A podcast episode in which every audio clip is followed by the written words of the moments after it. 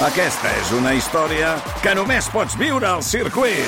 24, 25 i 26 de maig. Gran premi Monster Energy de MotoGP al circuit de Barcelona, Catalunya. Compra ja les teves entrades a circuit.cat. Viu-ho!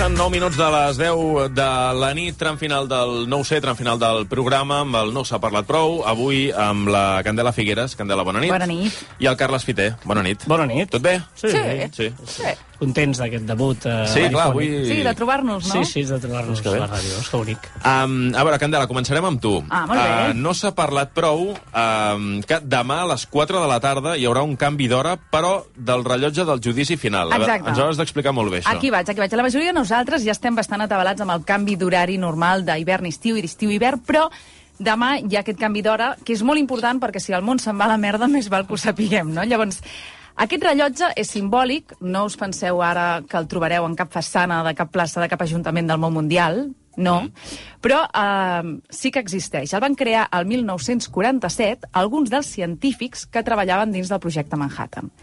I què és aquest projecte? Doncs bàsicament consistia en desenvolupar armes nuclears. Carai. Sí, de fet, són els que van crear la bomba d'Hiroshima i de Nagasaki.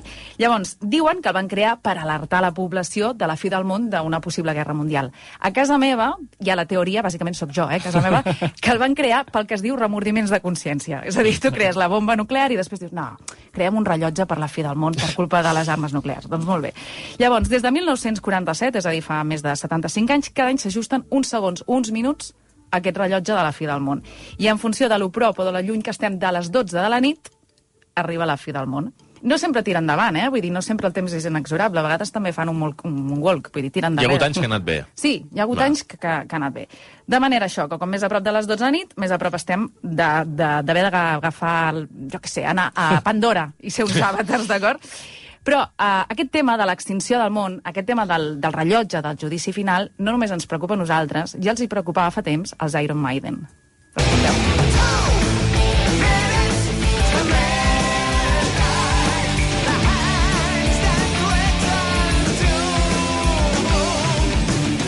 Dos minuts mm, per la mitjanit, les mans que m'anaven al destí, bli, bli, bla, bla. He fet un Google Translate, eh? No us penseu que... El meu anglès tampoc és. Però bé, es titula Dos minuts de la mitjanit. Sí. Ells van escriure aquesta cançó el 1984. Aleshores quedaven 3 minuts per la mitjanit en aquest rellotge. No sé si és que no van calcular bé o què els hi passava, però eh, realment estaven en un molt mal moment perquè les relacions entre la Unió Soviètica i els Estats Units estaven gairebé més malament que mai i aleshores consideraven que només quedava 3 minuts per aquest eh, final. Ara mateix... Ja, M'interessa molt saber com estem Clar, ara. clar. Ah, ah, ah, ui, ui, ui, he allargat, he Va, allargat sí, el, dolor, sí, sí. el dolor. Estem a 100 segons de la mitjanit. És a dir, menys de dos minuts. Ostres, estem- estem- estem molt fotuts. Estem fatalíssim. Estem fatal. El rellotge marca les 23 hores, 58 minuts i 20 segons. Eh, Si ja podeu posar error. Pinten bastos. I A veure, portem... Perquè hi ha una guerra, tampoc seria No, no, no, estrany, no, no, no, no, la guerra d'Ucraïna aquí no està comptabilitzada. Ah, no està comptabilitzada, no, no, no. sense la guerra. Portem així, olorant la fi del món des del 2021. I ara sabrem si empitjora, millora o... La pandèmia sí que la vam agafar en aquest eh, comptador. Sí, el que passa és que com que la pandèmia també es van aturar molts processos que ells consideraven mm. que podien aportar a la fi del món, es va quedar, es va quedar allà, no, no es mou el rellotge. Llavors, el, quan es va posar en marxa, l'any 1947, era l'inici de la Guerra Freda i estàvem a 7 minuts de les 12 de la nit. I després, el 1991, vam arribar a estar a 17 minuts, que és quan s'acaba la Guerra Freda. Mm. Ara estem a, a 100 100 segons. I També et rellotge- diré que ja vam començar al punt de partida i, i ara, és a dir, 7 minuts de les 12 de la nit, el 1947. Però una guerra mundial que tampoc ajudava... a- Sí, però que vull dir que, que Però bé, clar, ja havien... estàvem a prop. Tampoc hem empitjorat tant, hem empitjorat, que és 5-6 minuts. Clar. Home, sis, No, no, no, no, sí, minuts, sí. però a 100 segons. Això és, és anar un moment al bany i quan has sortit de lavabo Sí, s'ha sí, acabat sí, el món, eh? Clar, aleshores, el rellotge inicialment només es movia pel tema del, de perill nuclear, però ara ja hi ha les armes biològiques, la crisi climàtica també en forma part, les campanyes de desinformació d'alguns països, de fet, quan Trump va accedir al govern, el rellotge crec que es va avançar 30 segons, i aquest any a veure què passa quan comptabilitzi la guerra d'Ucraïna. O sigui que demà, tothom pendent a les 4 de la tarda, quan acabi la, tele, la telenovela... Per, per on es retransmet, això? Com, com Sí, funciona? això com es veu? Doncs no ho sé, amb alguna revista important de científics, però... Uh, Per l'internet, per, per, per l'internet segur. Uh, no sé, jo ja us ho diré, si no us, us enviaré Sí, un WhatsApp clar. a tots. Sí. I aquí Si no a la s'ha acabat el món, perquè igual diuen, no, escolti, s'ha acabat el món. I Ah, ja, ja, i- i s'acaba. explo- ja està, explota ja està. tot i s'acaba. Doncs haurem de fugir com, haurem de fugir com la ventafocs. No? Correcte, Correcte, correcte. Haurà arribat les 12 Escolta'm, això hi ha d'haver la segona part. Dilluns que ve o quan toqui tornar, um, ens actualitzes. Us actualitzo i us dic, us dic l'hora. Sé que a partir d'ara ja l'única hora que mirareu és la del Ah, judici final. Apostem tots a que serà menys de 100 segons. Jo crec que sí. Amb la guerra d'Ucraïna sí, perquè deien que la guerra d'Ucraïna, doncs, el que es diu és que si uh, Putin no guanya per la via tradicional, pot, pot començar el tema de les armes nuclears. Clar, diguéssim, està una mica a prop de l'amenaça que ha fet ell d'apretar els botonets. Jo crec no? Sí, que sí, sí. uh, passarem a, a un minut, a 60 segons. És la meva porra, que ja, ja m'explicaràs quina porra és Bé, aquesta, jo, jo, no? ho firmo, jo ho firmo. Però bé, Um, bé, Carles, anem, anem amb tu. Uh, no s'ha parlat prou que avui fa 40 anys que es va estrenar l'Equipo A. Recordeu, la... Recordeu Oh! aquesta sèrie?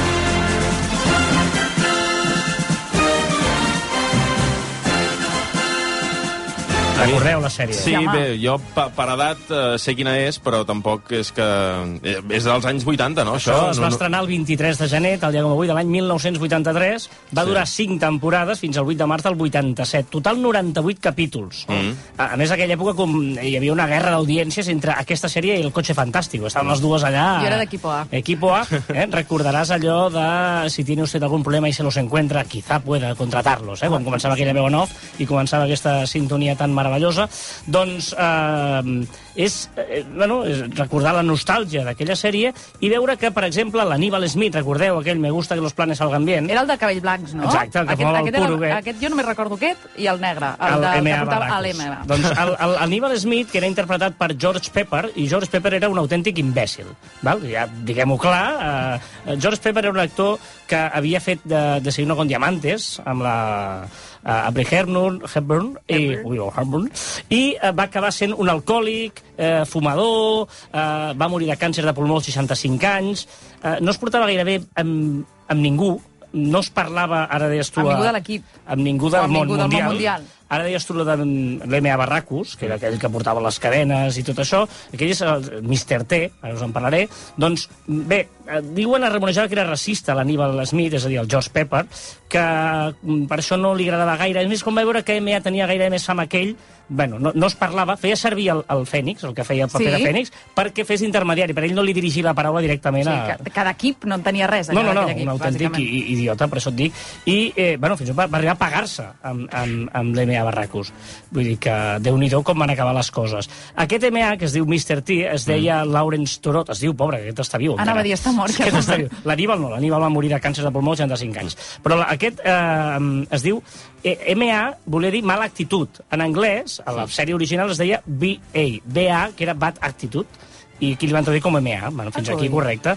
I eh, era campió de lluita lliure, va ser guardaespatlles durant 10 anys, abans de fer aquesta sèrie, i va ser guardaespatlles de gent com Muhammad Ali, com Michael Jackson o com Diana Ross, per exemple. Eh? I eh, va debutar al cinema amb Rocky 3, el va descobrir Sylvester Stallone, i llavors el van fitxar per aquesta sèrie, que és on va aconseguir també l'èxit. No? Eh, Dirk Benedict, que era el Fènix, el guapo, si en recordeu, Espera, espera, no, no tinc la cano, ara la cara. el Fènix era el guapo, el guaperes de la sèrie, Mira, aquí eh, ho tenim sort de, sort de Aquí. Google, que... Sí, Ah. sí, és, era el guapo. Sí, El- és que després hi havia l'altre, que era una mica l'empanat. Ah, el boig. El Estava el boig, era el Murdoch. El, el, el, el, el Fènix, el guapo, en anglès, li deien Faceman. I, en, I aquí van dir, home, Faceman, per Faceman, com cara el bonica, guaperes, no? sí, sí. I aquí van dir els traductors, com li diem, perquè fes el guaperes, no li... i van dir-li Fènix, perquè Faceman sonava com Fènix, mm. perquè a l'hora del doblatge, clar, ja pensaven molt amb el doblatge, a l'hora de fer el doblatge, quan pronunciava el, la, el Faceman, Phoenix, i ho van fer per això, li van dir Fènix. És per una qüestió fonètica que no pas... Correcte, sí, sí. no pas una traducció de traducció literal. I finalment el William Dwight, que era el Murdoch, no? que ha, eh, s'ha guanyat sobretot la vida fent sèries, videojocs, amb la veu, doblant a És videojocs i a sèries animades.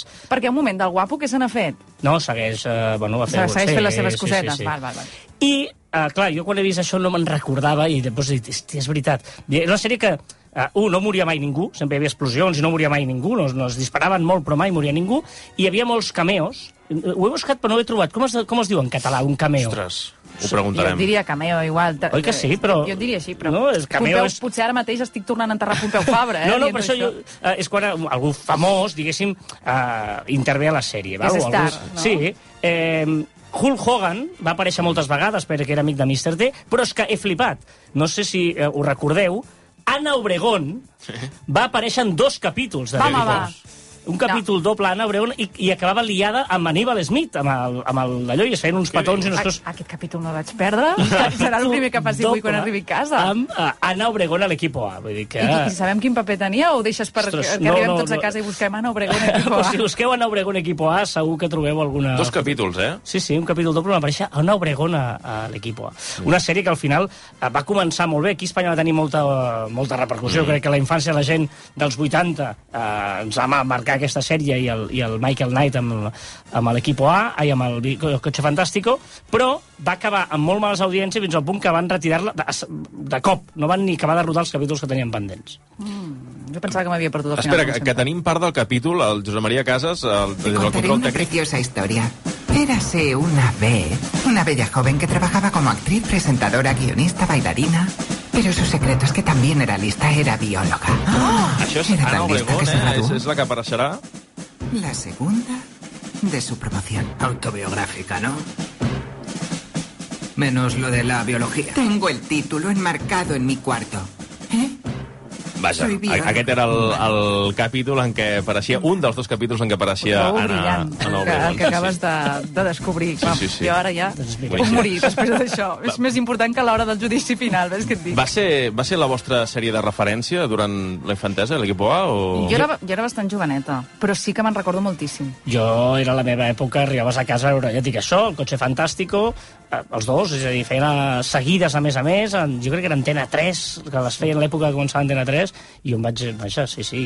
Llavors ja vindrien els dibuixos animats, etc però... Però la deu haver reposat bastantes vegades, Sí, també. Clar, sí, jo l'he sí, agafat sí. més tard, en reposició. Clar, jo aquella època devia tenir, doncs, això, 6, 7 anys, 8 anys, que tu miraves amb tota la Clar. teva bona voluntat. Jo m'agradava, era més de MacGyver, que sempre anava amb el També, xiclet sí, sí, solucionant sí, els sí, problemes sí, sí. del món. Bé, doncs mira, hem descobert fins i tot i hem pogut sentir el part del capítol de, amb l'Anna Obregón. He buscat el tema Sí. cameo i l'és a dir, eh, el considera com correcte. O sigui Correcte, que, ah, vinga, Doncs va. mira, Perfecte. Fan- Fantàstic. Més tranquil, ho consciència tenim. més tranquil·la. Ja. Uh, va, Candela, no s'ha parlat prou de la teoria del carretó de supermercat. Sí, sí. No, n'heu sentit a parlar de la teoria del carretó de supermercat? De moment no. No. Crec que no. Jo en vaig sentir a parlar fa poc i me va sorprendre tant que dic, la compartirem tot el món mundial perquè crec que és important. A veure, uh, estem... La teoria del carretó de supermercat ens pot ajudar a definir si una persona és bona o és dolenta dins de la societat. Val? No individualment, sinó dins de la societat. Per posar-la en pràctica és molt fàcil, només cal que aneu al supermercat, majoritàriament a la zona del pàrquing, que és on la gent agafa o deixa els súpers, ai, els súpers, els carretons, i us poseu allà a esperar a veure què passa. Important, han de ser carretons que no puguis posar l'euro. Val? Aquell típic, la típica moneda que tu deixes per emportar-te al carretó perquè van lligats amb cadenes, aquests no ens serveixen. Aleshores, la teoria diu que totes les persones que voluntàriament van, eh, tornen al carretó al seu lloc, són persones bones per la societat, i les que no el tornen, no. No són bones. Hmm. Ara esteu tots repassant mentalment quantes vegades heu abandonat el carretó tirat per allà al supermercat. Ho no, sé. mira, el carretó jo crec que no, crec que sempre el tornem a lloc, no? Sí. Jo acostumo a deixar-ho Jo allà, però també, eh, també, ara no, sí. volia, no, ho he, no ho he explicat per anar de bona pel món. I en què es basa la teoria? Doncs que diu que clar, el, el gest de tornar el carretó en el seu lloc és un gest fàcil i ràpid, ens, ens ocupa com a molt a, a nosaltres un minut, que això dins del nostre timeline de diari de vida és molt poc. Després, tots sabem que tornar-lo és correcte, vull dir, no, no hi ha discussió possible si el tornes és correcte, si no el deixes per allà tirat, uh, a no ser que hi hagi una, jo que sé, una emergència davant teu, com per exemple que si no que tens tant de pipi que no pots deixar-lo, perquè si no t'ho fas a sobre, no sé, per dir alguna cosa. I a més, no és il·legal abandonar el, carro, el carretó. Ningú te, et vindrà a multar, ni et castigarà, ni dirà, ei, què estàs fent? És igual, tu, és completament voluntari. Per tant, si tu eh, el tornes de forma voluntària, es considera que aquella persona que estàs veient és bona per viure en societat. Mm. Ara, jo tinc més teories que serveixen, que no són les del carretó, però que jo ja, ja interiorment ja havia anat desenvolupant amb mi a la meva vida Que serveixen per determinar Sí. si una persona és bona o no. i vosaltres, dins de la societat, eh? I vosaltres em direu, quines? Jo us Ah, quines, quines, quines. Candela? Els qui no tornen les safates en els llocs de menjar ràpid. Home, Vindria a ser clàssic, els sí. mateixos que no deixen el carretó de supermercat. Perquè dius, escolta'm, tio, què et costa deixar la teva mm, porqueria a, a la safat allà i em puc assentar la taula sense haver de treure-ho? O els qui parquen aparcant dues places de pàrquing, que això em fa molta ràbia. Aquests sí que fan ràbia, sí. Que dius, tio... Mm. Després, els que van al provador de la roba i també la deixen tota tirada allà dins, no costa res agafar-la i deixar-la a la persona que està fora dels provadors, que és l'encarregada també de comptar les peces. Mm. També els qui et veuen que estàs corrent desesperat per agafar l'autobús perquè no arribes, ells estan a la parada, et veuen que arribes, el conductor de l'autobús no t'ha vist i fa senyals al pobre, al, al, al, a l'altre que està esperant i passa de dir-li res al conductor i marxa, això, és, això ja diria que és no ser bo, és directament ser dolent per la societat, perquè ells no perden absolutament res dient-li al conductor que s'esperi. Després, els que estan a la caixa, a la, en el supermercat, a les caixes, mm. i, i, i tu estàs amb una sola línia, perquè només hi ha una, ca- una caixa oberta, i de sobte obren una altra caixa. I no respecten la línia, la cua, se'n van, és igual, se'n van, t'avancen, i dius, escolta'm, tu anaves S'ha darrere de meu. respectar l'ordre que hi havia, clar. Exacte. Després, els qui condueixen pel carril esquerre a 20 km per hora, Ui, ui, ui. a mi això em fa molta ràbia, i tinc especial odi als qui s'obliden dels intermitents. Mm? Perquè per mi també és important.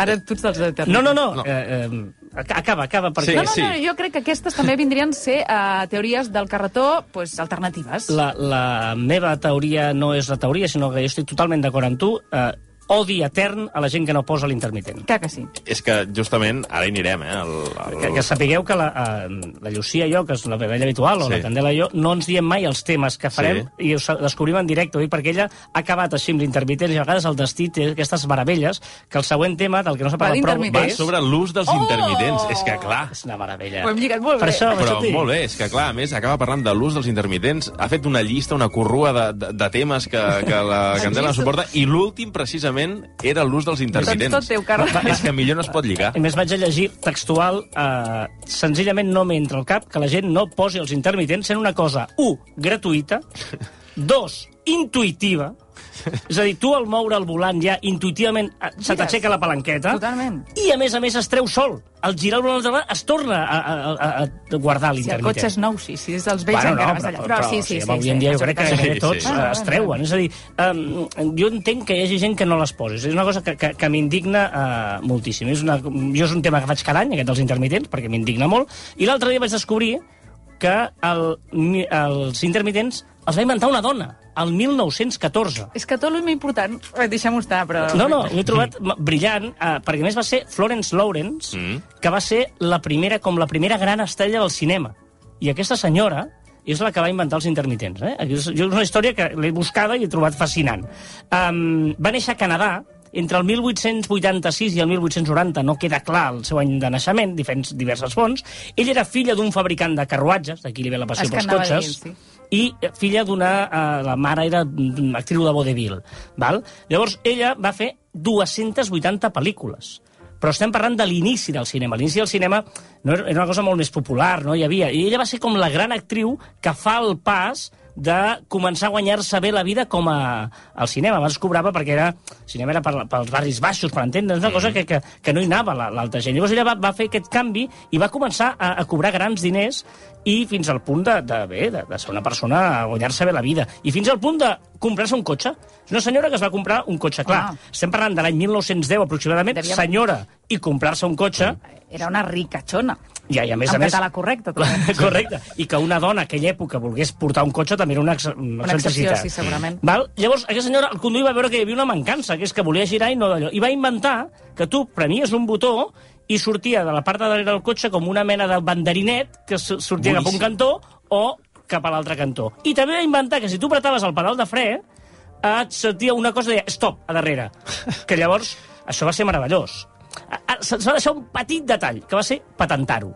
La pobra dona no va poder guanyar res. Els calés això. els va guanyar un altre, vols dir, eh? Massa bona persona. La indústria automobilística s'ho va copiar tot perquè ella no va guanyar absolutament res. De fet, eh, als anys 50 és quan això es canvia pels famosos llums, ja, amb, amb llums i tot això. Però fins llavors se, se feia servir... Mm. És a dir, va, va estar pràcticament 30 anys um, des de l'invenció fins que s'acaba comercialitzant l'intermitent. 30 anys allà la Amb cosa... banderetes. Sí. Trobo meravellós. I sense que ella guanyés un duro, que això és el pitjor de tot. Ella eh, tot, tot el bé que li va anar va caure en desgràcia quan hi va haver un incendi en un set on estava rodant una pel·lícula i va quedar greument ferida i ja va caure en desgràcia, ja no va poder entrar a, a gaire més uh, pel·lícules. Eh, a més, va venir el crack del 29, va perdre molts diners, mm, va tenir mala sort, va tenir tres mm, matrimonis, el, un la va maltractar, l'últim marit que va tenir... Bé, va ser una història molt trista perquè es va acabar suïcidant el 28 de desembre de l'any 1938. Per tant, la història d'aquesta senyora m'ha- fascinat en aquest sentit, no? de com arriba a tenir l'èxit, té aquest punt de geni i acaba, mm. doncs, amb la més tristor, sola, abandonada i sense que ningú li reconegui el mèrit. Els intermitents. Doncs ara, per la memòria d'aquesta senyora morta, poseu l'intermitents. I tant. Eh, Hem millorat? Tens la sensació que hem millorat o, o la cosa ha anat a, a pitjor els últims anys amb el tema dels intermitents? Cada Pitjor, cop es posen a menys? pitjor. Sí, eh? Jo crec que la, Absolutament. la pandèmia, a més a més, molta gent va com deixar de conduir, se'n va oblidar i ha tornat que va eh, massa ràpid i oblidant els Això, per intermitents. això han de posar multes i no pel que posen. És, Exacte, però sí. a què ho atribuïu? A, a la mandra?